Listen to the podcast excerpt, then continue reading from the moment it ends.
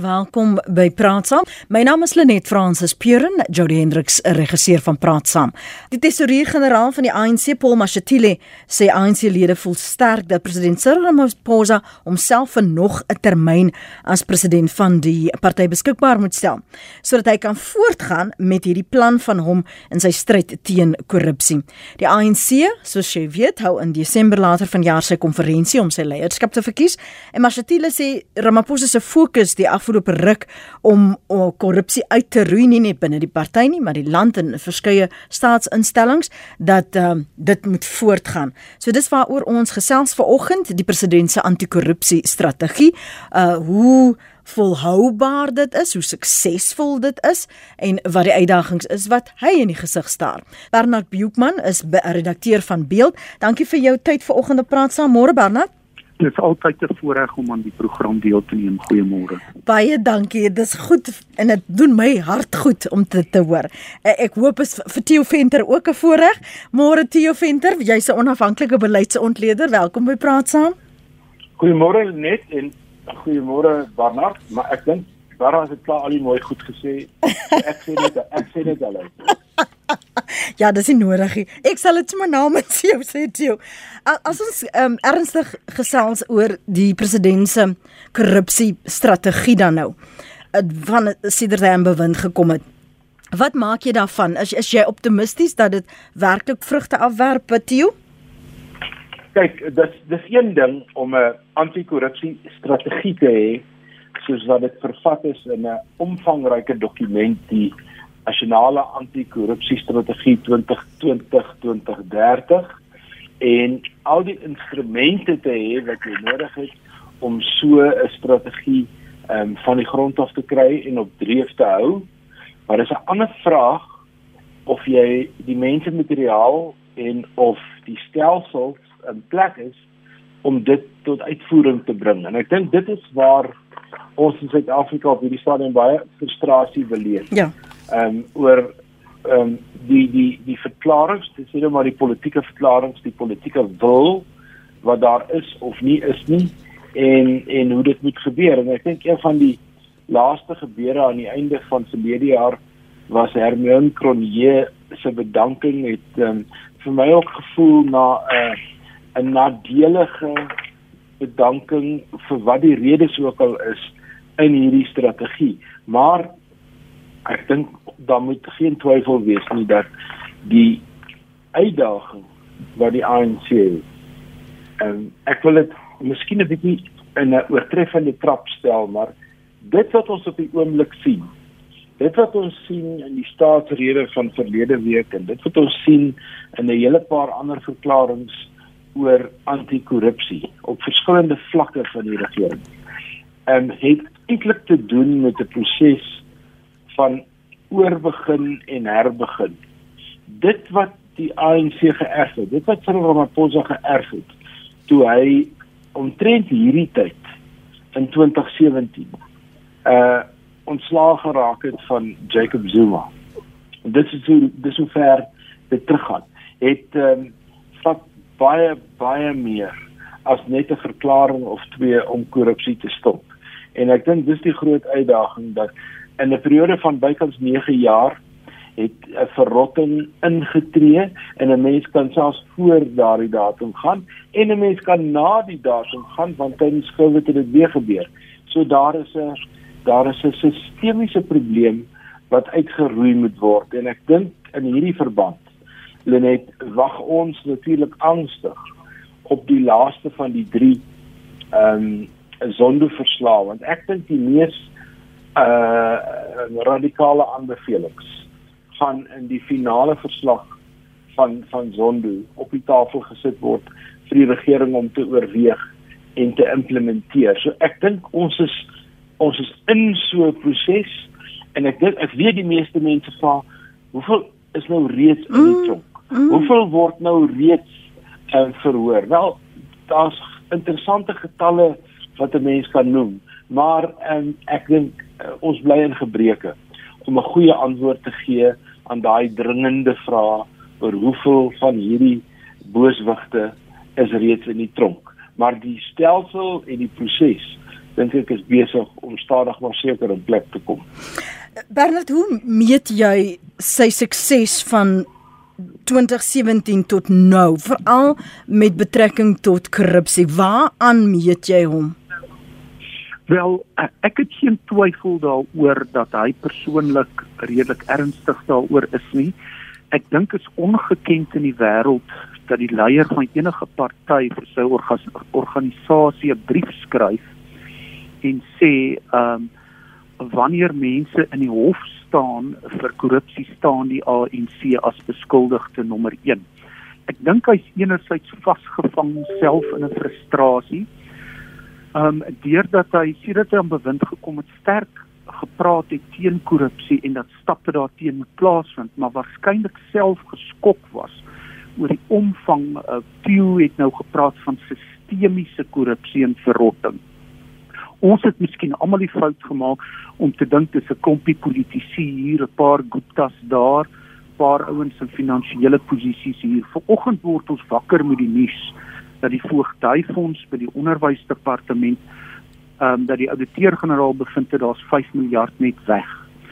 En en hier sit 'n elite klas van amptenare en mense in hoë posisies. Hmm wat ongeag of hulle lid is van die ANC of nie net aangaan met hierdie endemiese strooptogte.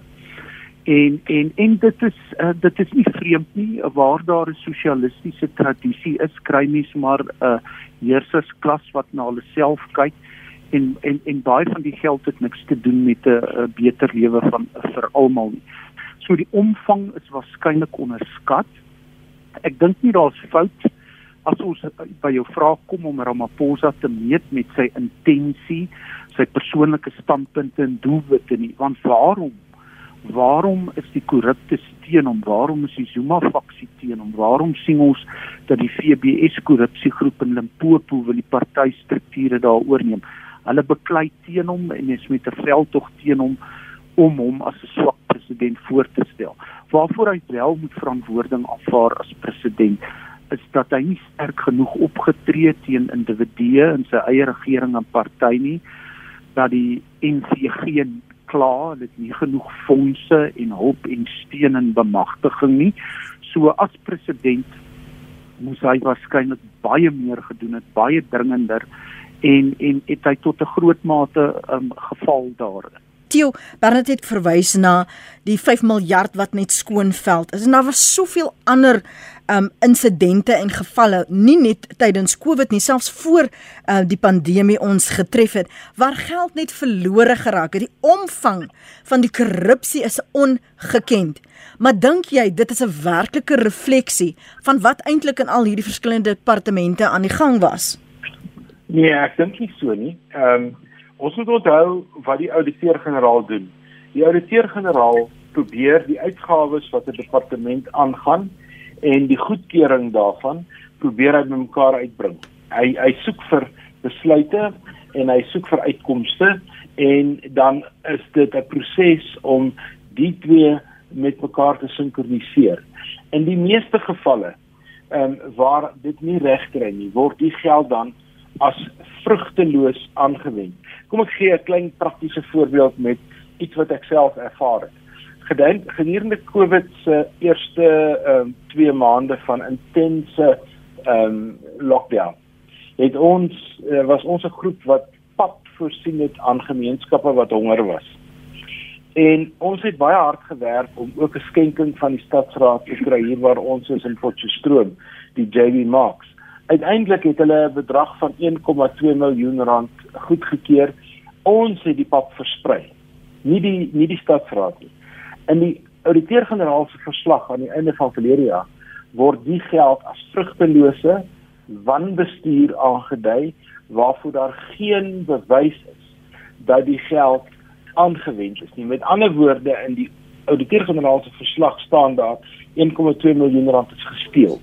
Dit is nie die geval nie. Wat wel die geval is, die manier hoe die stadsraad die 1,2 miljoen rand oorgedra het aan 'n aan 'n maatskappy om pap te koop, was onwettig. Dit was onwettig in terme van die stadsraad se besluite, maar dit was nie onwettig in terme van hoe die produk gelewer is nie. Dit het presies by mense uitgekom sonder korrupsie. So kan ek vir jou 'n klomp ander voorbeelde noem. So ou moet baie versigtig wees wanneer die ouditeur-generaal hierdie soort uitsprake maak om onmiddellik te sê die geld is weg. Dit moet 'n mens se hare oorent laat staan, die rooi ligte moet aangaan om te sien wat presies hier aangegaan het. Maar dit het wat my aanbetref in terme van die die die aanspraak op korrupsie dat die grootste gedeelte van sogenaamde gesteelde geld is geld wat of wan aangewend is of verkeerdelik goedgekeur is of nie deur die regte prosesse gegaan het nie of waarvan die eindproduk die sogenaamde uitkoms hmm. Nie behoorlik beskryf is nie. So ek ek hoor wat Barnard sê ek het die artikel gesien. Ehm um, ons weet ook nou dat onder leiding van die van die minister wat die aankondiging gemaak het, ehm um, is baie van die geld van van daardie fonds aan universiteite oorgedra om NSFAS te help wat bankrot was of steeds is en dat van die geld op ander plekke in die nasionale hoër onderwysstruktuur aangewend is en ek dink as ons nou as ons nou oor al die emosie kom ehm um, sal die geld eers opgespoor word op een of ander manier waarskynlik deur onprofessionele amptenare wat nie die regte prosesse gevolg het nie. So, maar dit is ook vir my 'n baie groot probleem. Ehm um, korrupsie is nie net mense wat fisies geld steel nie. Korrupsie is ook mense wat wat wanbestuur doen, met ander woorde wat nie die regte prosesse volg nie. Korrupsie ehm um, gebeur ook wanneer mense die prosesmatige voorskrifte van die openbare uh, finansiële stelsel en die munisipale finansiële bestuurstelsel nie behoorlik nakom nie en daarvoor is daar natuurlik fondse maar dis hier wat die regering dink ek swak is. Ehm um, van hierdie persone en individue wat aangedui word, hoor ek baie selde van wat die konsekwensies vir die amptenaar is. Ehm um, wat hierdie goed verkeerd gedoen het of die politici. En ek wil nou afsluit deur te sê in die meeste gevalle wys navorsing vir ons dat amptenare tree op onder druk van politici. 'n Politikus sal vir jou kom en sê hierdie geld moet sien toe geplaas word en dan sal die amptenaar sê maar dit kan nie. Mm. En dan word die druk al hoër geplaas en uiteindelik gee die amptenaar toe want die amptenaar het nêrens omheen te gaan nie. Hy kan 'n fluitjieblaser word, maar dan gaan hy sy werk verloor. Want dis die uiteinde van fluitjieblasers totdat daar 'n beter stelsel in die plek is. Of hy kan saam met die politikus werk, sy werk behou, maar dan eintlik deel word van 'n van 'n korrupte skema. So ek kry die goeie amptenare wat onder politieke druk net so jammer as wat ek um, die ouens in die privaat sektor want dieselfde proses gebeur ook in die privaat sektor waar mense wat met geld werk, dit word gedwing word om goed te doen wat nie regmatig is nie. Bernard se mee saam met jou? Tot 'n groot mate ja, hy's hmm. hy's tegnies korrek, maar maar as ons korrupsie wil hokslaan, ek ek dink in 'n som tot 'n mate dat dit sê moet ons nie die feit dat geld bloot verkeerd gekanaliseer is of wel goed aangewend is, maar dis nie tegnies korrek rapporteer nie. O, ons wil dit moet uitroei want dit is hoe in so 'n omgewing um, wat dit plaas is juis wat die korrupsie plaasvind. So die hele 5 miljard te stel nie gesteel nie, maar dit maak dit moontlik om hier 'n 100 000, daar 'n miljoen, daar 20 000, uh, daar 2 miljoen op allerlei plekke te versteek uh, wat dit nie verkry word nie. Uh, wat ons ook nou moet begin dophou is dat so 3 jaar, 4 jaar terug het die ouditeur-generaal reeds bykomende magte gekry want tans kan hulle maar net rapporteer ja. en hulle het reeds magte gekry dat indien hulle in hulle omslagtige siklus sê maar in departement X moet daardie finansiële beamptes ehm um, hulle rapportering op 'n ander manier doen, hulle administrasie op 'n ander manier doen, hulle prosesse aanpas. En hulle kom 'n jaar later en hulle auditeer dit weer en sien dit is nie gedoen nie, het hulle die magte om onmiddellik daardie eh, persone aan te kla en te laat vervolg want wat hulle ontdek het by baie munisipaliteite en staatsdepartemente is dat hulle gee raad, hulp, voorskrifte en dan word dit steeds flagrant ehm um, geïgnoreer. En en die probleem is, is steeds dat uh hier hier sit ja, Theo is 100% reg. Baie van die amptenare tree onder geweldige druk van politici op um, om hulle werk te behou, maar maar hier is 'n weier klomp mense. Dit is asof daar 'n geesvaardig is. As jy toegang tot die vloei van geld het, almal skep tog hier is my kans en dit is asof dit amper 'n soort kultuur geword het en ons sal die samelewing 'n baie 'n meer verantwoordelikheid persoonlik moet aanneem om korrupsie um, op alle vlakke uit te roei. Ek weet by die aardklop fees einde verlede jaar die die, die opwekfees by een van die besprekingsgroepe het die voorsitter van die solidariteitsgroep Flip Buys gesê dit en ek parafraseer nou dit help nie almal dit baie te sê oor korrupsie maar hulle jaag self oor die stokstraat as daar nie verkeer aankom nie. So ons ons gaan onsself almal werklik uh, weer moet herbesin en ons gaan almal op die kleinste vlak moet um, geen geen um, geduld hê met enige vorm van korrupsie nie. En dit is wat jy vanoggend sê oor korrupsie. Goeiemôre Lenet, jou gaste Mike hier. President Ramaphosa het baie mooi staatsrede gehad. Maar soos die Engelsman sê, he talk the talk, now we must walk the walk. Dat ons sien of hulle dit reg kry. Baie dankie. Goeiemôre. My siening is besliste optrede onmiddellik van vandag af. Die wat reeds al uitgewys is, genoem is, moet 'n spesiale hof of howe da daar gestel word sodat daai mense onmiddellik uh verhoor kan word en in die kaak gestel kan word en dan moet daai gesteelde geld moet terugkom. Dan sal dit op die regte pad loop en die dinge sal dan regkom. Baie dankie. Môre hulle net jou gaste. Ehm um, ja, dit is wonderlik om die stem van Barnard Beekman van Beeld te hoor en dan ook Sue Venter. Dit gaan weer eens 'n pypprogram wees, veral met jou ook as aanbieder. Goed, genoeg heuning om my mond gesmeer. Lenet, kom ons smeer daai heuning om Cyril se mond. Ehm um, ek het al voorspel president Ramaphosa gaan naas Jan Smuts en Nelson Mandela homself vestig as een van die grootste politieke leiers en presidente en leiers wat hierdie land nog opgelewer het. Hy's goed op pad daarheen. Ek stem heeltemal saam met Paul Mashatile dat hy 'n tweede termyn moet dien. Inteendeel, ek dink dit is noodsaaklik dat dit so moet wees. Ehm um, anders gaan ons land eerlikwaar regtig in moeilikheid wees. As ons kyk na die pragtige rekord van president Ramaphosa en veral na wat hy gesê het donderdag aand in sy staatslede dan uh, is dit baie duidelik dat hy die hervormer binne die ANC was is soos wat uh, president F.W. de Klerk destyds hervorm het om dan nou die nodige veranderinge aan te bring ten goede van die land en van sy inwoners. Enige poging om korrupsie te stop moet sekerlik verwelkom word, maar uh, ek dink ons wag nou al 'n bietjie lank geduldig wanneer hierdie skelms dan nou in die tronk gegooi gaan word.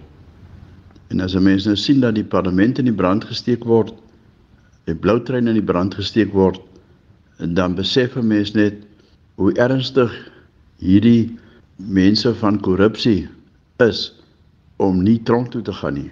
Goeiemôre Lenet, dis Martin Creer hierso. Dit maak my baie opgewonde te hoor van ehm um, die president se planne. Die groot uitdaging lê egter net dan in die uitvoering daarvan. Jy kan baie planne hê, maar as jy dit nie tot uitvoer kan bring nie, dan dan dan help dit amper niks nie. So so ek ondersteun hom 100% en ek hoop werklik daar staat werklike uitvoering aan die planne. Een van die luisteraars skryf op die SMS lyn: Ek is nie 'n sogenaamde kaartdraande lid van enige politieke party nie. My opinie of Ramaphosa moet herkies word as president van sy eie party en gevolglik van Suid-Afrika laat my koud. Suid-Afrika het 'n president nodig vir wie hierdie land die hoogste prioriteit en loyaliteit is in hoofletters en sy politieke party nie. President Ramaphosa is nie daardie president nie. Sy party is vir hom die belangrikste en die behoud daarvan dit kleur sy gebrek aan optrede as leier in as 'n onaktiewe toeskouer, oh, ekskuus, van ons land. Hy was deel van die sogenaamde 9 wasted years en hier het as 'n onaktiewe toeskouer bygestaan en die korrupsie gade geslaan. Herkies as president van hierdie land. Dis 'n grap sê die luisteraar met 'n verpletterende gevolg vir ons land en vir al die armes. In daardie sin plaas hy of sy dan, o, dis hy in hoofletters. Ons het 'n nuwe soort gemeenskapsbeweging nodig om Suid-Afrika vorentoe te neem. Dis Daniel Keus se SMS daarin en dankie vir daardie SMS Daniel. Kom ons hoor gou wat sê George voordat ons na Theo en Berna toe gaan. George, dankie vir die bel. Jy's in Pretoria môre. Goeiemôre.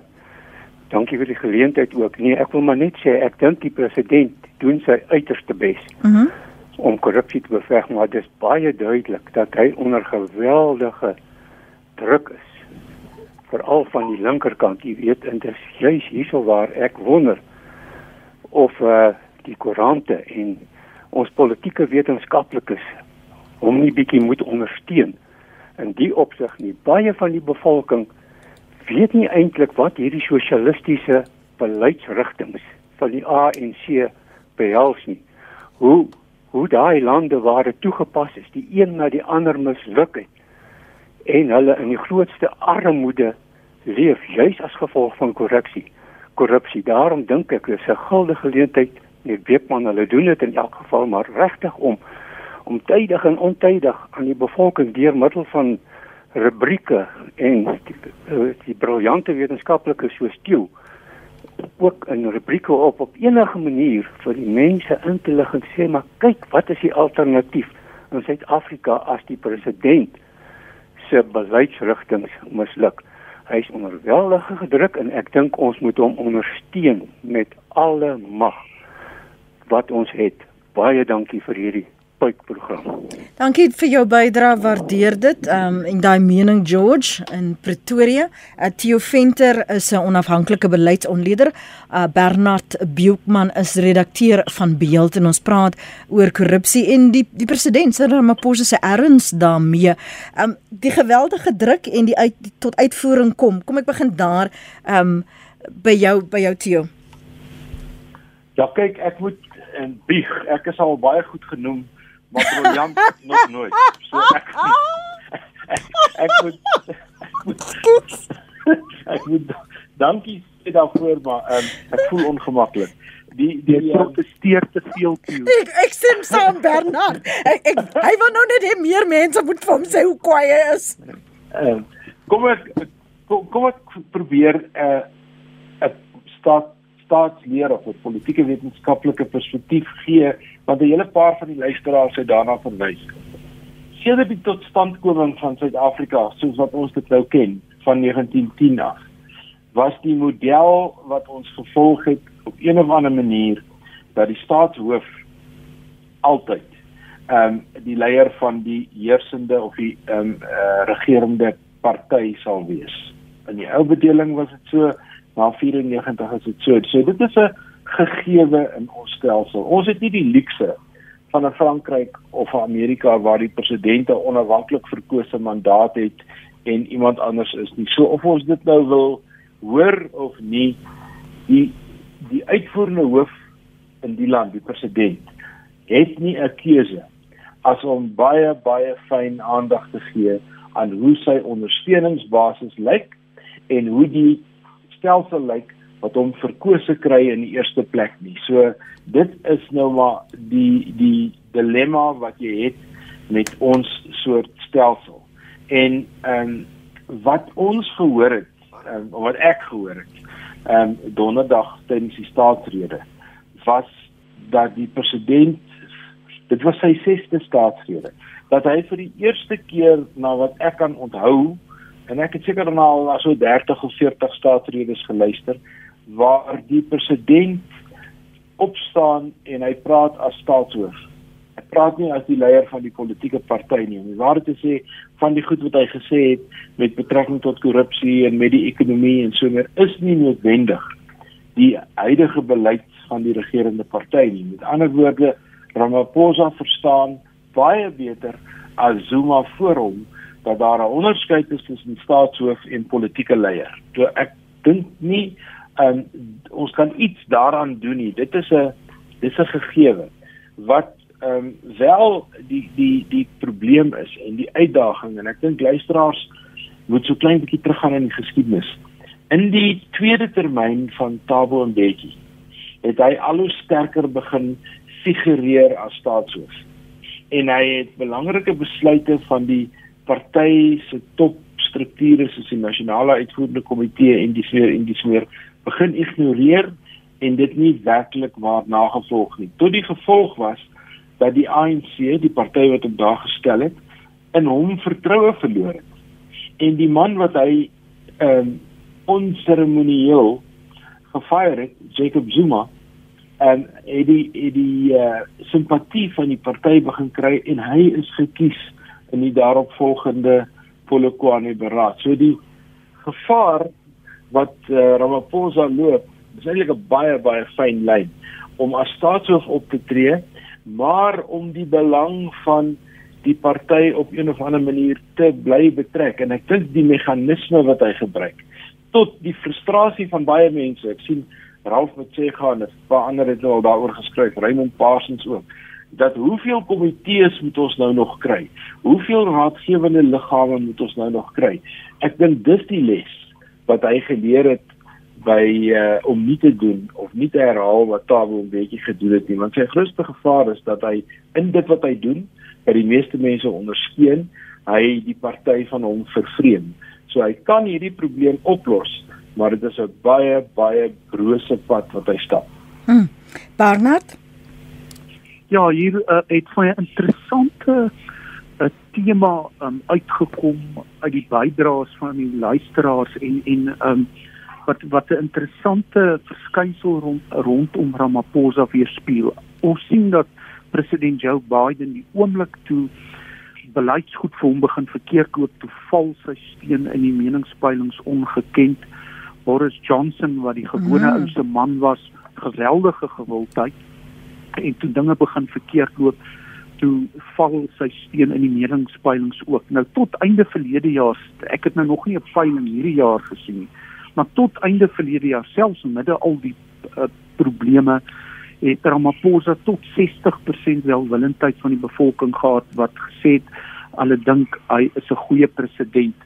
Ehm uh, selfs uh, uh in die 50% van wit Afrikaans sprekendes en ek hou daarvan om DA politici daarmee te terg want selfs die meerderheid DA ondersteuners gesê hy doen sy werk as president goed.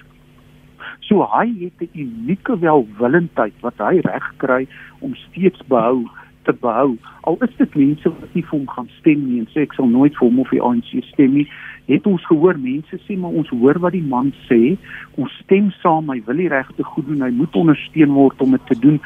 Doen dit nou net. En dit is asof Ramaphosa miskien vasgevang in die die die, die moeilike pad wat hy moet loop wat jy nou genoem het wat hom gestrem het.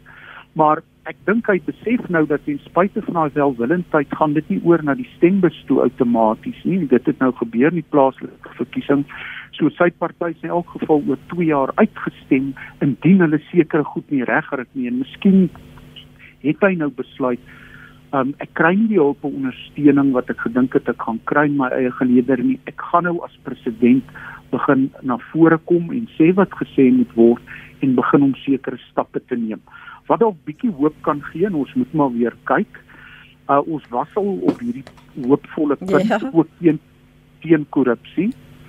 Ehm um, maar maar nou ehm um, niks het gebeur nie.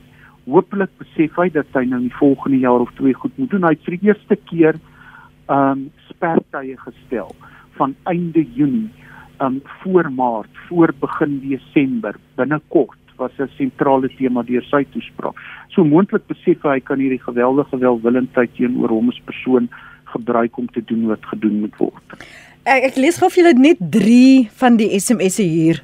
Uh Barnard en, en Theo Jaco sê Ek het 'n bietjie laat ingeskakel. Wanneer het dit dan nou bekend geraak dat die 5 miljard weggeraak het met ander woorde gesteel is by die Voogdy Fonds van die Departement van Onderwys? Johan sê Anyone who thinks this man will bring change has rocks in their head. He laughed at the opposition when they raised corruption in parliament. Teens op Richards Bay sê enige iemand wat Cyril se droompaadjies glo, is regtig verlore. Korrupsie is erger as ooit. Met PPE het hy bewys hy het geen probleem met steelers nie met die lig om Mkhize te fire. Nee wat, nog 5 verlore jare saam met sy en Zuma se nommer 9. Met verkiesing sal nog 5 jaar van korrupsie volg. Nee wat, oupas hoort op die stoep waar hy kan droom nie in die parlement nie sê teens op Richards Bay. Nik jy's op Humansdorp op lyn 2 ek luister. Môre Nik Goeiemôre. Ons het nou al hierdie goedes nou geïdentifiseer. Mm -hmm. hierdie korrupsie en al daai dinge. En dan hoor ons baie maklik die woord we've got a challenge. Ons het 'n uitdaging. Mm -hmm. maar jy weet ons begin te hoog met die ding. Die probleem lê daaronder waar dit oorspronklik vandaan kom. Die hoof daar moet sekere perke stel wat mense kan spandeer en hy moet dit goedkeur nie weet daar daar biljoene later hoor dit gesteel nie. hy moet sê right ek sal daai ding teken hier is hier is norms as jy Hoe kan 5 miljoen spandeer? Moet ek dit goedkeur? As dit bo kan dit gaan van dan dan moet iemand boontoe vir die minister gesê word voordat dit uh, weet gegee word. Dit word het begin heel onder, nie by bo nie. Dit help nie, dit sal niks anders vermaak nie. Mm -hmm. Ons moet weer onder in sy reg onder waar dit plaasvind dat die mense wat in bevel is bewus is van die geld wat dan nou uh, geneem word. OK. Goed. OK, dankie Nik. Um Lucky Praat met ons. Hallo. Goeiemôre Lenetta, dit is Lucky van die Parel in die Boland. Ja. Ehm um, ek ek lees elke keer wanneer Cyril praat en hy praat soos almal sê praat die rustig goed. Hy praat oor ons wil korrupsie opslaan, maar tyd van praat is lankal verby. Dit is nou tyd om te doen. You know, want die probleem met Cyril, hy hy is 'n leier, maar sy leierskap styl is wat vir my nie steek laat want hy moet man genoeg wees. Hy moet die broek dra almal wat korrup is. Fyer hulle almal. Sy regte mense ons wat wat stem. As ons nou van hoe wat jy doen dan sal ons stem. En hy mense jy jy wil net hulle beskerm en beskerm. Het een van die dag jy maar die, die land lê daar onder jou eie party lê daar onder en en die man op die straat kry nie werkie want sê jy beskerm hy korrupsie mense. Hy was die onderpresident eh, van Zuma vir 9 jaar en sy 6 jaar en nog 5 jaar onder hom of nog. Nee, waarheen gaan ons? Nee, wat hy moet man man hy moet man genoeg wees en en en fire almal wat korrup is. So dink jy hy hy het nou te lank sy sy eie kamerade binne die ANC beskerm lakkie. Ek dink so. Ek ek, ek sê hulle is glad nie. So jy glo nie al sy praatjies nie. Nee, nie meer nie. Nie meer nie. Dankie daarvoor vir vir jou opinie, Lucky en uh Nick. Dankie dat julle geskakel het. Uh, Bernard, wat sê jy van uh, wat Lucky en Nick sê? Ja, waardevolle insette. Uh, politiek is dit so toe het daarna verwys dat um uiteindelik is die president afhanklik van die um steun in sy nasionale uitvoerende komitee verloor hy dit soos 'n tabo en bekkie ehm um, en dan natuurlik is hy uit op die straat en hy hy moet altyd opweeg. Kan ek so beweeg dat ek oorleef. Hy het ook baie kritiek gehad dat hy destyds as adjunkt president net daar gesit het terwyl al die goed plaasgevind het, maar hy hy het voor Sondo gesê indien hy sou geloop het, ehm um, dan dan was die kaping waarskynlik voltrek. Maar uh, ons moenie in uiterstes praat nie, dis geen verskoning nie um die hele land en uh vra vir die afdanking van Bekkie Cele byvoorbeeld tot nou het Ramaphosa dit nie gedoen nie want dit is 'n belangrike politieke bondgenoot in KwaZulu-Natal maar hy het nou waarskynlik die punt bereik dat hy dit gaan en sal moet doen. So so dit is die dit is die hele tyd daardie balans uh, wat irriteer. Ehm um, die aanduidings is daar en ons kan maar weer eens net hoop dat hy die keer po politiek sterker voel in die ANC en dat hy so ver gegaan het om ongewilde goed aan te kondig soos dat die staat in die werk skep nie maar by die private sektor moet dit doen. Daar was stilte in die ANC banke en die DA het gesit en juig. So so moontlik voel hy al gekonsolideer genoeg vanuit die ANC hoor ek dat hy nie heeltemal 'n solo vlug met die toespraak gedoen het nie, maar dat op die legolklas van die UNK en die kabinet wat dit vooraf gegaan het was daar 'n gees wat in hierdie rigting begin gaan het dat dit nou tyd is om goed te doen en dis 'n reaksie op die stembusuitslag. Die kiesers het 'n baie harde boodskap gestuur onder die 50% en hulle weet hulle gaan die regte goed moet doen om oor 2 jaar wel 50% plus te behaal. Ter afsluiting van jou kant, Theo, een van die luisteraars sê die president, ek probeer dit net gou kry, is 'n net 'n people pleaser. Um en hulle is nie oortuig met sy erns om werklik korrupsie hok te slaan en dat hy te veel sy kamerade beskerm dat die ANC oor alles is ek kan verstaan dat mense so dink en dat daar frustrasie is en ook 'n reaksie op wat Nick en Lucky gesê het, maar um, in die Amerikaanse politiek waar 'n president twee termyne kan dien, het 'n het 'n baie kundige analis op 'n stadium gesê so 'n paar jaar gelede dat daar kom 'n tyd in 'n Amerikaanse president se se eerste termyn waar hy kan aanvoel dat hy 'n tweede termyn gaan kry, dat hy die selfvertroue het mm. dat hy van hier af sy tweede termyn gaan kry want Amerikaanse presidente is in hulle tweede tweede termyn die sterkste. Want dan kan hulle nie weer herkies word nie. By ons lyk dit baie dieselfde. En ek mag miskien oor uh, analiseer met betrekking tot die staatsrede, maar ek het 'n president gesien met selfvertroue. Ek het 'n president gesien wat weet dat hy gaan 'n tweede termyn kry as die leier van die ANC en die feit dat hy dit weet of aanvoel maak dat hy hierdie soort uitsprake gaan maak en ek dink uh, Suid-Afrikaners moet besef indien hy wel verkies word in Desember maand uh, met 'n nuwe top 5 want daar's 'n paar wat nou nie weer herkies kan word nie dan is dit waarskynlik ons beste hoop op 'n verandering van hierdie vraagstuk naamlik korrupsie. So ek het uh, na die staatsrede goeie moed dat en met Zondo se insette en 'n paar ander en uh, ander stukke wetgewing dat korrupsie hierdie jaar wesentlik anders hanteer gaan word as wat ons gewoond was tot nou toe. Maar Matteo doen hy dit omdat hy sy herverkiesing wil verseker? Nee, ek dink hy doen dit in die eerste plek uit oortuiging uit. Ek dink jy het in jou inleiding ook gesê dat hy het eintlik van die begin af ehm um, 'n uh, soort van 'n oorlog verklaar teen korrupsie.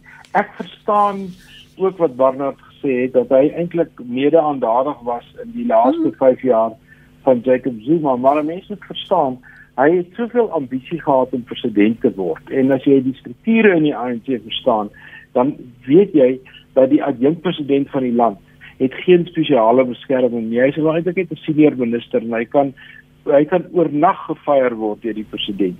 Dit was Ramaphosa se grootste uitdaging dat hy moes 'n baie fyn speletjie speel en tot baie van ons se frustrasie. Hy het een keer opgestaan en dit was met die Nene Gordon storie. Het hy opgestaan en vir Zuma gesê jy kan nie so aangaan nie. Maar vir die res dink ek het hy maar op sy tande gebyt. So dink ek. Ek is oortuig daarvan dat uh, ons het in in Ramaphosa iemand met 'n inherente ehm um, anti-korrupsie ehm um, benadering. Want net ter ter afsluiting dan so 'n minuut Bernard, jy kyk na die korrupsie wat ons gehoor het en waaroor daar berig is uh, ook Kasilediko um, binne sy kantoor um, Mkhize uh, binne die departement van gesondheid daai digital vibe skandaal en dit lyk asof alles nou weer so stil geraak het waarom ver oggend moet uh, Suid-Afrikaners glo wat die president in sy staatsrede sê? Ja wel ek ek dink ongelukkig is dit so en en, en miskien moet ek in my vakgebied mede verantwoordelikheid aanvaar. Ons sien groot opskrifte is dit goed gebeur. Maar dan sien ek ook volgendes binne in die koerant as as daar wel vervolging in bepaalde gevalle plaasvind. Die die, die regsproses is stadig en uitgerek. Dit was nog altyd so dit bied frustrasie en daarom was dit betekenisvol dat hy reeds Zondo se aanbeveling aanvaar het om spesiale howe te skep wat die staatskapingsvervolging kan versnel. En ek dink elke Suid-Afrikaner moet maar op elke terrein mee help dat dat uh, ons dit so vinnig as moontlik gedoen kan kry. Dankie vir julle beskikbaarheid vanoggend op Praat Saam. Barnard Beukman is 'n uh, redakteur van Beeld en Theo Venter is onafhanklike beleidsontleder.